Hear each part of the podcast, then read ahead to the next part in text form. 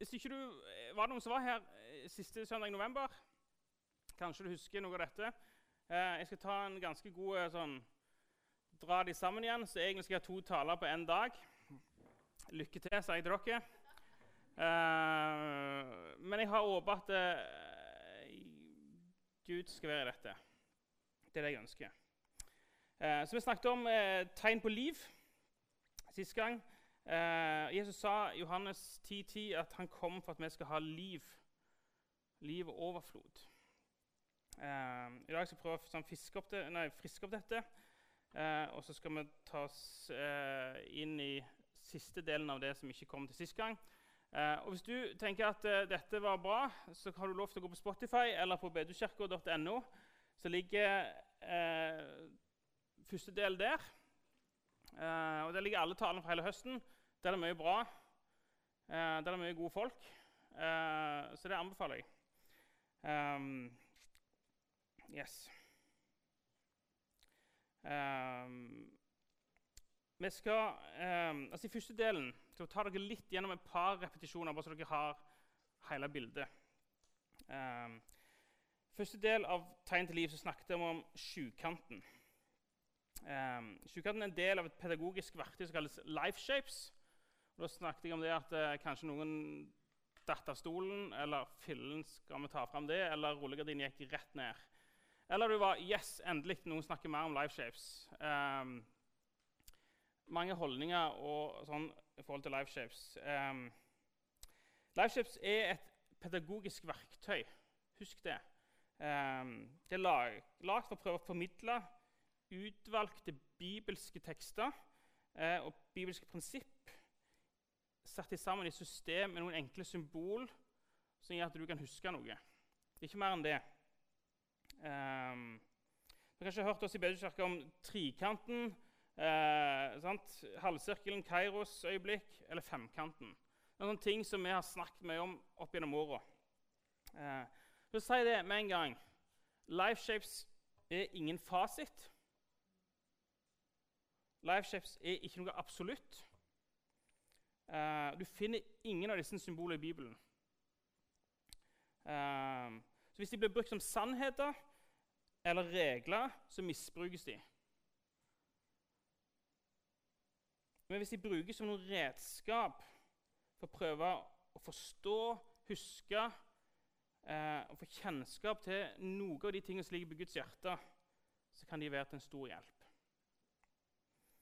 Eh, vi snakket også sist gang litt om biologi. Eh, så er det at det nesten alltid når Jesus tar noen bilder skal beskrive noe, så snakker han om ting fra naturen. Eh, så det pedagogiske systemet som ligger bak sjukanten, som vi snakket om sist, og skal snakke om i dag, det er henta fra biologien. Sju tegn på liv som vi finner i biologien. Eh, og de finner vi i alle levende organismer. Uh, så Derfor kan vi se om vi kan bruke disse kjennetegnene på oss. Uh, så I England har de utvikla dette som Mrs. Gran. Det ser sånn ut. Barnepedagogikk. Og dette systemet Lifeshapes kommer fra England, så kan, alle unger kan dette. Så det er litt debattert om det er akkurat sånn. Men igjen, det er et system for å prøve Kan du huske noe? Kan, hvis du lurer på noe ja, Lifeshift, det var det, det, det, det. Sånn, ja. Sånn er det det er noe av essensen av Guds hjerte. Um, så vi skal bruke dette for å se om, om vi finner liv, om vi finner noe som, som Ånden kan lede oss. Snakket jeg om ansvar sist? Om ansvarsfordeling i troslivet. Hva er det Gud gjør? Hva er mitt ansvar? Um, innholdet i sjukanten eh, skal lære oss eh, å forstå hva som er mitt ansvar for å få dypere røtter, og hva som er Guds ansvar.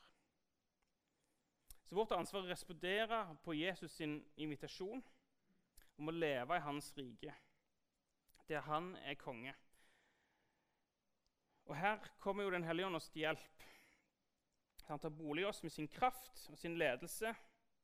Så hvis vi forstår skjønner liksom innholdet, essensen av sjukanten, så vil det hjelpe oss å leve i åndens kraft. Den siste tingen som innleda med sist, det var Jeg leste fra Markus 4 eh, om jordsmonnet og noe som vi kalte for av seg selv-prinsippet. At det er Gud som gir vekst. Um, du kan ikke skape vekst. Eh, frukter kommer av seg sjøl. Vekst og frukt er en gave ene og alene for Gud. Ikke ditt verk. Så siterer Paulus eh, eller han sier i Galaterbrevet at lev et liv i ånden. Og så beskriver han videre at det er åndens frukt. Og sant, det vil vi ha. Eh, det er lett å fokusere bare på frukta. Men de fleste mennesker vil gjerne bli beskrevet som fulle av kjærlighet, fulle av fred, være overbærende, være vennlige, ha masse godhet, trofasthet, være ydmyke og god selvbeherskelse. Jeg skulle elske at noen sa det om meg når de skulle beskrive meg. Jeg tror du gjerne tenker sånn sjøl, at dette ønsker vi. Vi ønsker oss gjerne denne frukta, vi ønsker oss gode resultat. Eh, men vi kan ikke styre denne frukta. Denne frukta kommer ikke av seg sjøl. Det vi derimot kan gjøre, at vi kan sørge for god helse eh, og sunnhet i jorda denne frukta skal vokse i.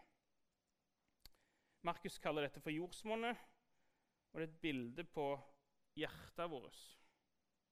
Så Hele intensjonen med sjukanten Istedenfor å sette fokus på fruktene, så setter sjukanten fokus på sunnhet og god helse i ditt hjerte. I et godt jordsmonn kan Gud gi masse vekst. Det var det vi sånn cirka vi snakket om sist. Um, det er liksom det som fundamentet for sjukanten, prinsippene som ligger bak. Sant? Det er et pedagogisk verktøy. Uh, det er henta fra biologien. Og så er det har du et ansvar, så har Gud et ansvar. Og vårt ansvar holder oss nær til Jesus. Han har gjort alt. Han har gjort frelsen. Alt det eneste han ber deg om, hold deg nær til Herren. Bli meg, sier han. Så skal vi kjapt repetere de tre første steg eller tegn på liv i denne sjukanten. Så vi skal gjennom sju punkter. Sist gang tok vi de tre første Så skal vi gå kjapt gjennom de, så I dag skal vi se, gå i dybden på de fire siste. Så Det første da, det er følsomhet. Følsomhet er det første kjennetegnet på liv som du finner i biologien. Gjennom alle sansene våre så får vi informasjon om verden rundt oss, og det fører igjen til en eller annen form for handling. Eh, så Bibelen beskriver at vi har åndelige sanser. Følsomhet er viktig for å leve et liv i ånden. Gjennom bønn, gjennom stillhet, kan vi altså åndelige, eller, la oss være åndelig følsomme. Og Det er viktig at vi lærer oss å forholde oss til en usynlig hverdag, en usynlig virkelighet. For de kan ikke se med mine jordiske sanser. Jeg må ha åndelige sanser for å kunne se den usynlige verden. Jesus sa 'Jeg gjør bare det som Faderen sier eller gjør'. Så hvordan er din følsomhet for det som er usynlig, det som er virkelig? Er du følsom for det Gud gjør i ditt liv eller i andres sitt liv? Vi trenger å lære å være følsomme for å høre Åndens stemme. Hovedpoenget i hele Gamle testamentet er at vi som mennesker vi følger ikke Gud fordi at vi har harde hjerte. En rød tråd som går gjennom Gammelstamentet. Derfor Jesus kommer, fordi han trenger å gi oss et nytt hjerte. Men et hardt hjerte er jo ufølsomt. Så hvis du er følsom, åndelig følsom, så er det et kjennetegn på liv. Det andre kjennetegnet på liv er bevegelse. Og bevegelse er evnen til å faktisk kunne endre retning. Så enkelt som det. Ordet tro i Gamle testamentet det sa sist gang, er, kommer fra gresk. heter pistis. Det betyr å være i bevegelse. Det er et aktivt ord. Hvis vi tror, så vises det i våre handlinger. Bibelen snakker aldri om intellektuell tro. Tro er handling. Tro er i bevegelse. Det er en indre overbevisning som fører til ytre handlinger. Jakob sier jo eller dette tydelig Jakob kapittel 3 at en tro uten gjerninger, eller en tro uten bevegelse, den er unyttig. Så profetiske ord, Bibel, forkynnelse, fellesskap og bønn er sånn ting som utfordrer trua til handling. Men innstillingen din når du hører dette, når du er rundt dette, avgjør om du velger å gå, være i bevegelse. Velg om du adlyder, om du går. Når Gud kaller i store og små ting, er du i bevegelse. Og Hvis du er i bevegelse, så det er et tegn på liv. Den siste tingen vi så på sist gang, eh, det var næring. Vi trenger daglig å ta til oss næring. Vi trenger energi for å kunne leve. Eh, og Her kan vi òg velge å ta til oss god næring eller dårlig næring. Hva fyller du livet ditt med? Hva er den næringen du inntar? Hos Jesus finner vi åndelig næring. Han sier at 'jeg er livets brød'. Den som kommer til meg, skal aldri hungre Han sier gjerne det samme om vann og 'kom og drikk av mitt vann'. Skulle aldri tørste. Så Vi finner åndelig næring i Guds ord, i fellesskapet med hans folk, i nattvær, i bønn, i tilbedelse. Der er det næring. Så spørsmålet tar du til deg næring. Spiser du åndelig mat? Gjør du det regelmessig? Her i Bedekirken prøver vi å hjelpe hverandre til det, til å få næring. Eh, huskirken er et, en plass der du eh, skal finne næring gjennom bibelstudiet, gjennom bønn, fellesskapet og nattvær. Så han snakket Lakki om bibellesing, bønneressurs hjemme. Tar du til deg næring? Er du i kontakt med disse tingene som gir deg næring? Er du i kontakt med dem jevnlig, eller er det bare av og på? Eller kommer det hele tida? Det er tegn på liv, åndelig liv, hvis du tar til deg næring jevnt. Så det var egentlig talen sist. Um, så skal vi gå på de fire siste i dag. Jeg syns de er spennende. Um, det neste punktet er pust. Altså Det er bedre på engelsk. Breath. Det snakkes det mer om. Vi snakker ikke så mye om pust når vi snakker om Bibelen og ja, Må du ta imot Guds pust? Det er liksom ikke en ord vi bruker. Vi leser om at uh, Jesus pusta på disiplene og ga dem Den hellige ånd. Mens uh, altså, vi ikke går så veldig inn i det. Jeg har brukt uh, de to første ukene av 2020, 2022 til å studere Den hellige ånd i Gamletestamentet enormt fascinerende. Eh, og der er som at Hellig ånd er pust, det er vind Det er samme ord for disse tingene. Roar heter det på hebraisk. Enormt fascinerende. Enorm kraft i Guds pust. Så vi trenger jo, altså Hvis vi som mennesker ikke puster Det vil si at du kan klare deg uten næring en stund men du, du klarer ikke å holde deg lenge uten pust. Det går noen sekunder, og så er det ferdig. Sånn er det med åndelig pust. Du klarer deg ikke uten Den hellige ånd. Du klarer ikke uten at Gud gir av sin roer til deg. Så han tar den vekk. Da er du død. Um, pust i åndelig forstand handler om å leve nært til Den hellige ånd, til hans ledelse. Når du gjør Jesus til herre i ditt liv, så kan du bli fulgt av Guds pust. Og da er det Hans ånd som følger deg, som tar bolig i deg. Guds ønske er at det onde i deg skal minke og erstattes med det gode fra ham. La meg dette skje, så kan Ånden føre til, altså lede oss og forandre verden rundt oss, forandre oss sjøl.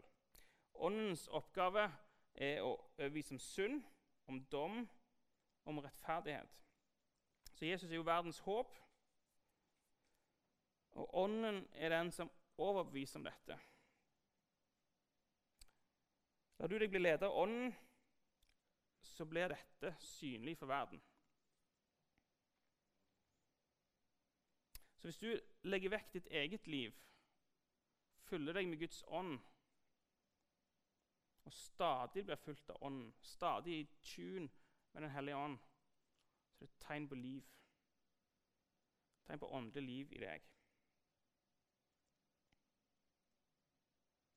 Så bli fulgt av Ånden. Bli stadig fulgt av Ånden. Sterke krefter.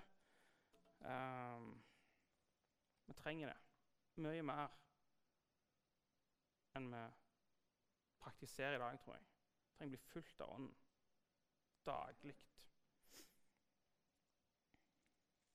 Den femte tegnet på liv Jeg skulle ta vekk det bildet, for da eller annet ikke så godt å se på.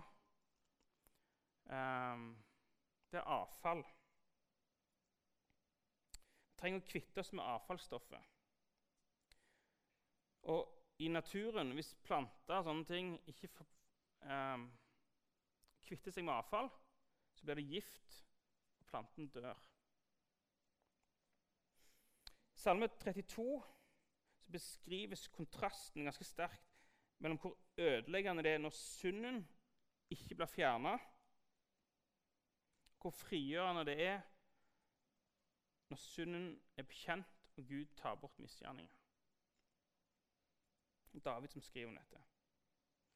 Løftet er at dersom vi bekjenner vår synd, så er Jesus trofast, rettferdig, så han forlater oss syndene og renser oss for all urettferdighet. Så du dveler ved det. Det er helt fantastisk å bli tilgitt synd. Um, bli rensa fra all urettferdighet. I åndelig forstand handler avfall om, som jeg sa, om synd. Vi må passe oss på å kvitte oss med dette avfallet. Vi må ta dette på alvor. Og så handler ikke dette om å være syndfri. Men når du synder, så må du handle riktig. Så vi må raskt kvitte oss med avfallet, vi må bygge ut om tilgivelse og gjøre opp med andre mennesker. Når du velger å leve i lyset, så kvitter du deg med avfallet. En sånn, en sånn uting i Guds rike at jeg bekjenner bare synda mi for Gud, så det er greit. Ja, Du kan si alt til Gud, og han ser alt òg. Men friheten du får i livet ditt med å bekjenne synden din fra en annen person, er mye større enn om du bare i stillhet bekjenner den for Gud.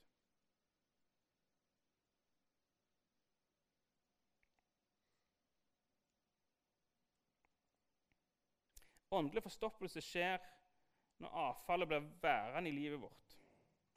La med mørkets gjerninger, syndens avfall, eh, tære, så påvirker det ånd, sjel og legeme. Vi blir syke. Gjennom hele Bibelen ser vi hvor viktig det er å fjerne oss med avfall hvis ikke ødelegger det oss. Men jeg tenker at det er lite hellig av oss, eh, eller lite tegn på modenhet, hvis du ofte må kvitte deg med avfall eller bekjenne synd. Bibelen viser derimot det motsatte. Rask, jevnlig rutiner for å kvitte seg med avfall et tegn på et sunt og godt åndsliv. I Vedukirka har vi snakket om radar. Det er når for to eller tre personer velger å møtes jevnt for å bekjenne synd og be for hverandre. Hvordan er dine radarrutiner nå for tida? Eksisterer de? Er de fraværende? Var det noen som gjorde for en del år siden? Kanskje er kanskje på tide å få orden på radaren din igjen. Du trenger det, menneskene rundt deg trenger det, og det er tegn på liv hvis du jevnlig kvitter deg med avfall.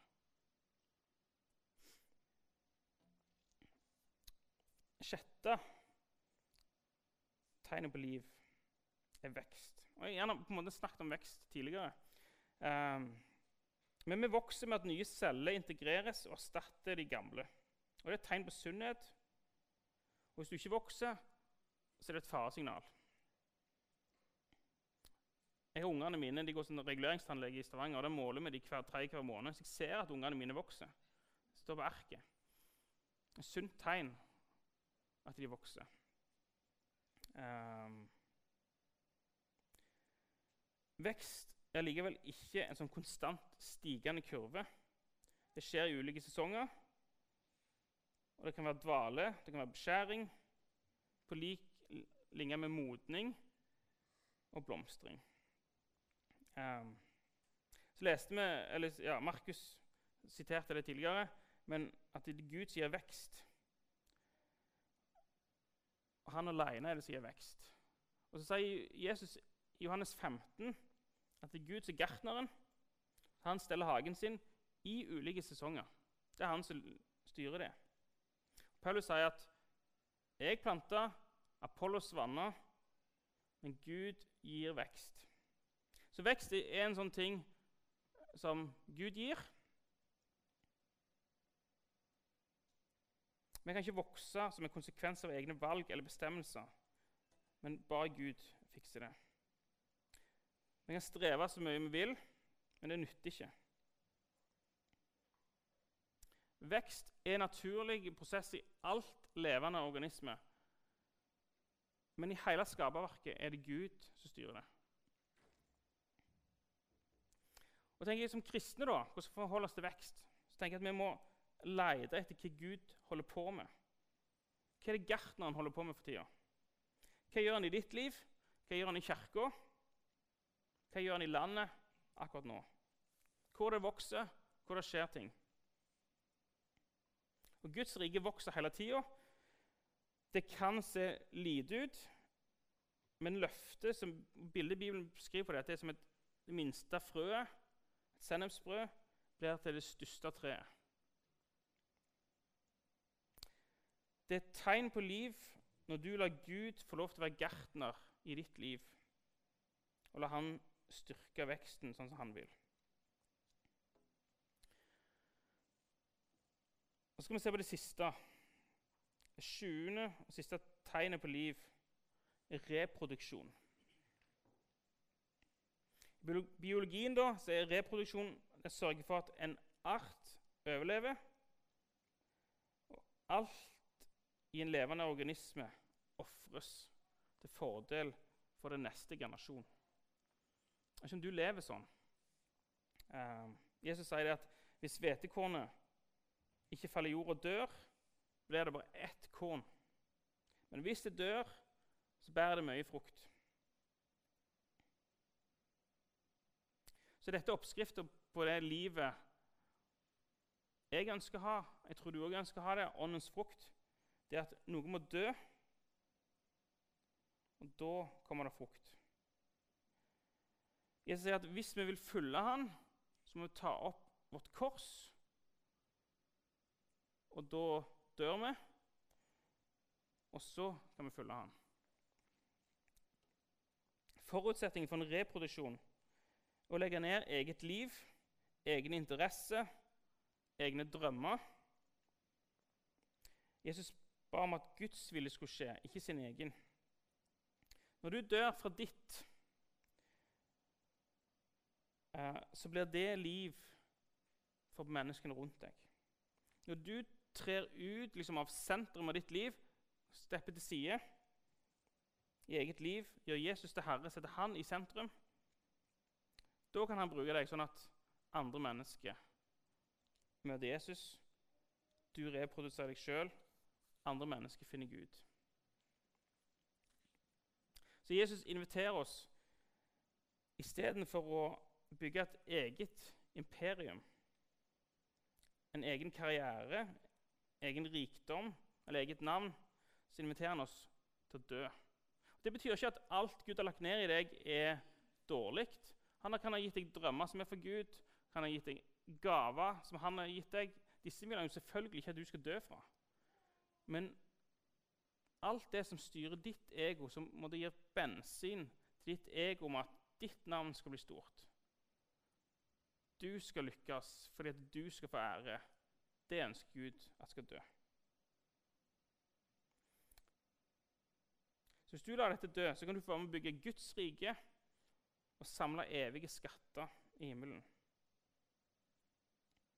Å legge ned eget liv for andre, for neste generasjon, for folk rundt deg, for Guds rike, det er et tegn på reproduksjon. Et tegn på liv.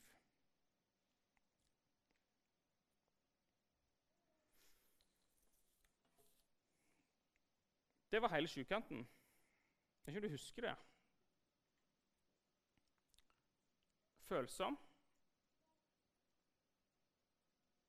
Vær høre åndens stemme, åndelig sanse.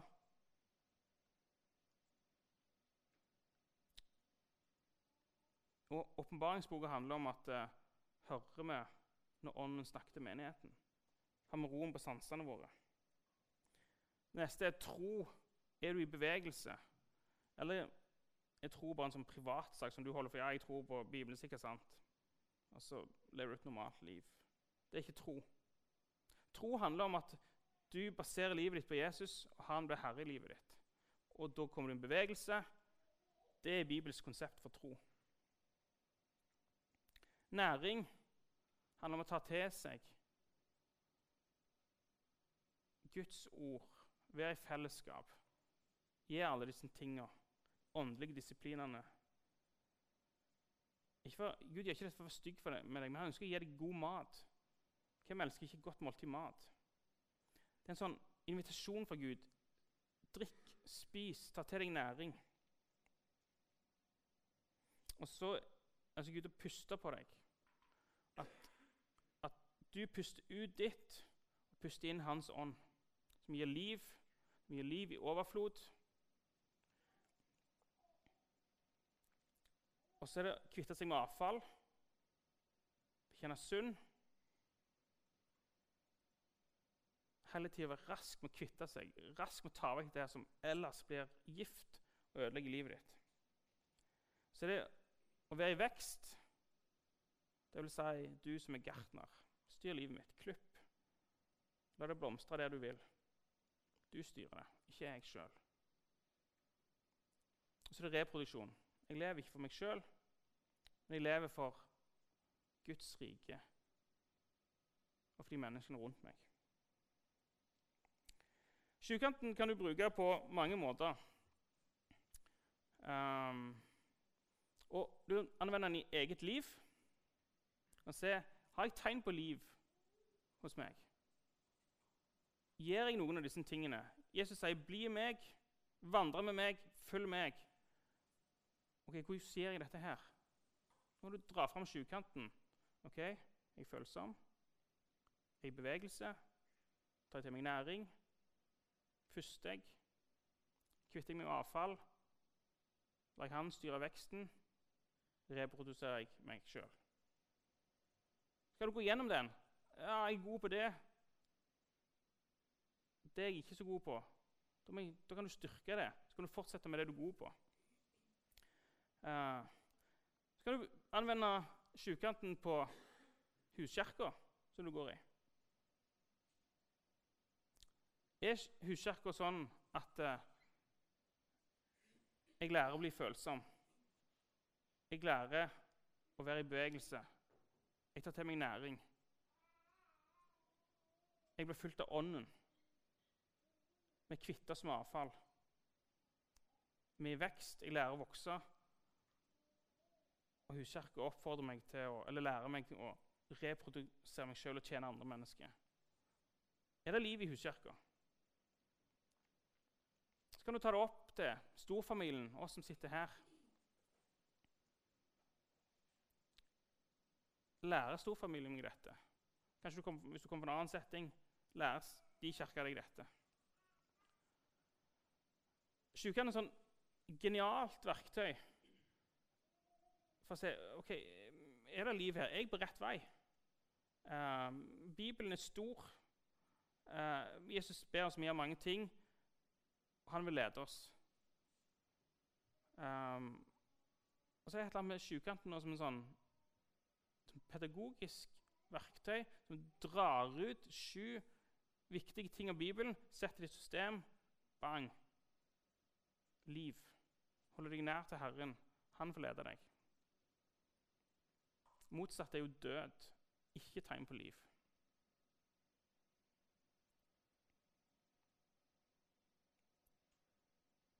Det er sjukanten. Um, du skal få lov til å praktisere det sånn som du vil.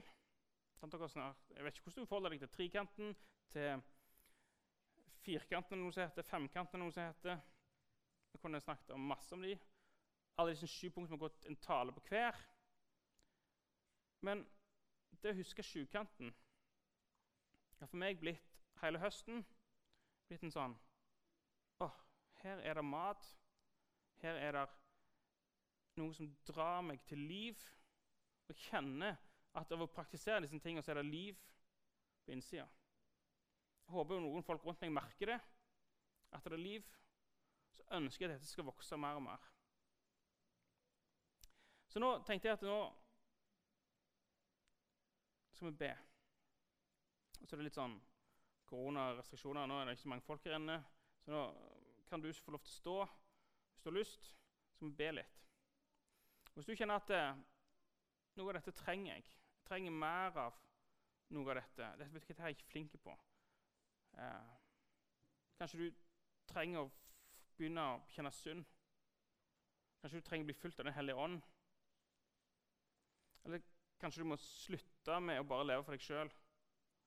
Um, sånn Gud, kom og gjør noe nå. Så jeg ber. Du vil sitte, hvis du vil stå, det velger du. Så skal vi søke Gud litt. Lovsangsteamet kan få lov til å komme opp. Og så skal vi bruke litt tid og være med Jesus.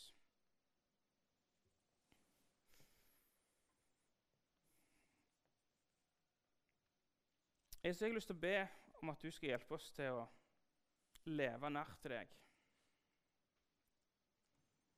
Jeg har lyst til å be om at du skal være med oss som kirke, som fellesskap, sånn at vi holder oss tett til deg.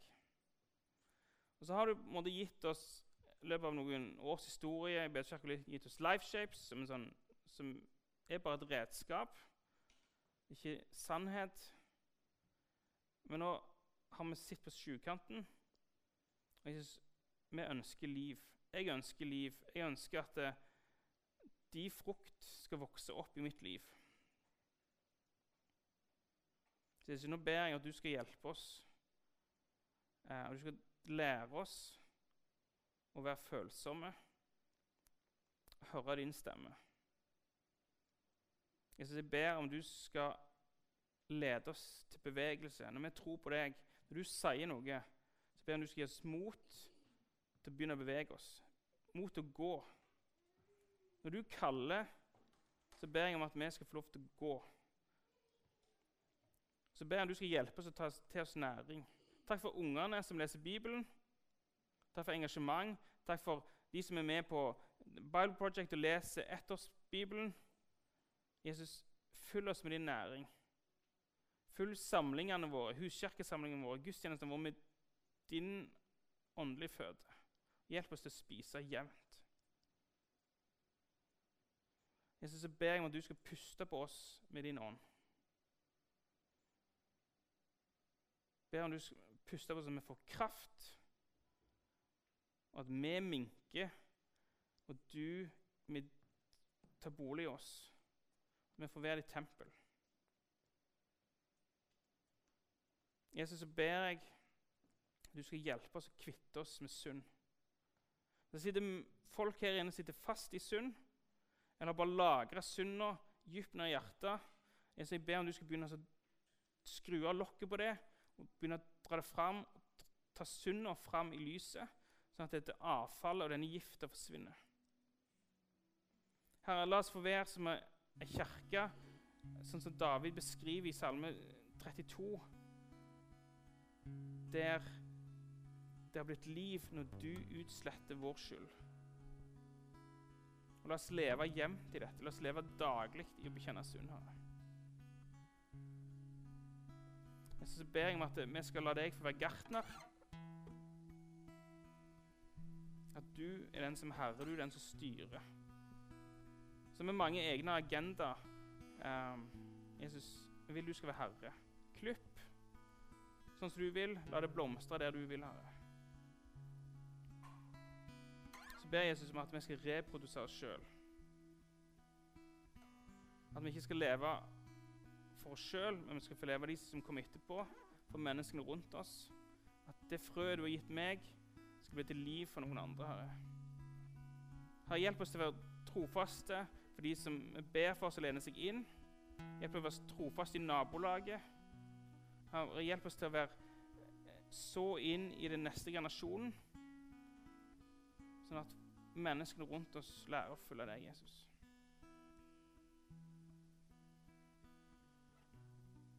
Så ber Jesus til slutt om at du skal lære oss dette pedagogiske verktøyet. Lær oss hvordan vi skal bruke det, om vi skal bruke det. Takk for velsignelsen du har gitt meg. Vi får til å bruke sjukanten. Jeg ber om at dette skal bli til liv for oss som kirke. Blir et liv for huskirken vår og for alle menneskene som er i vår storfamilie. Så jeg ber Jesus, nå skal du få lov til å komme og gjøre akkurat det du vil. Eh, mine ord som er mine ord, kan du la dø. Det som er for ditt ord, det som er for din sannhet, Jesus, det lar du vokse fram og bli til noe i våre hjerter akkurat nå. Jesus, hvis det er noe annet du har på hjertet, hvis noe du vil si oss gjennom noen av dine gaver, så gi meg rom til å lov til å komme og, og si det du vil. Jesus, vi underordner oss deg. Amen. Da er vi litt i tilbedelse. Hvis du kjenner at det, her var det et eller annet, så kan du tappe den som sitter på siden av deg. Hei, kan du be for meg? Noen andre rundt bordet? Hvis du kjenner at Gud gitt deg noe annet som du skal dele med alle oss, så kommer du til meg Lucky, og så ser vi om det er plass.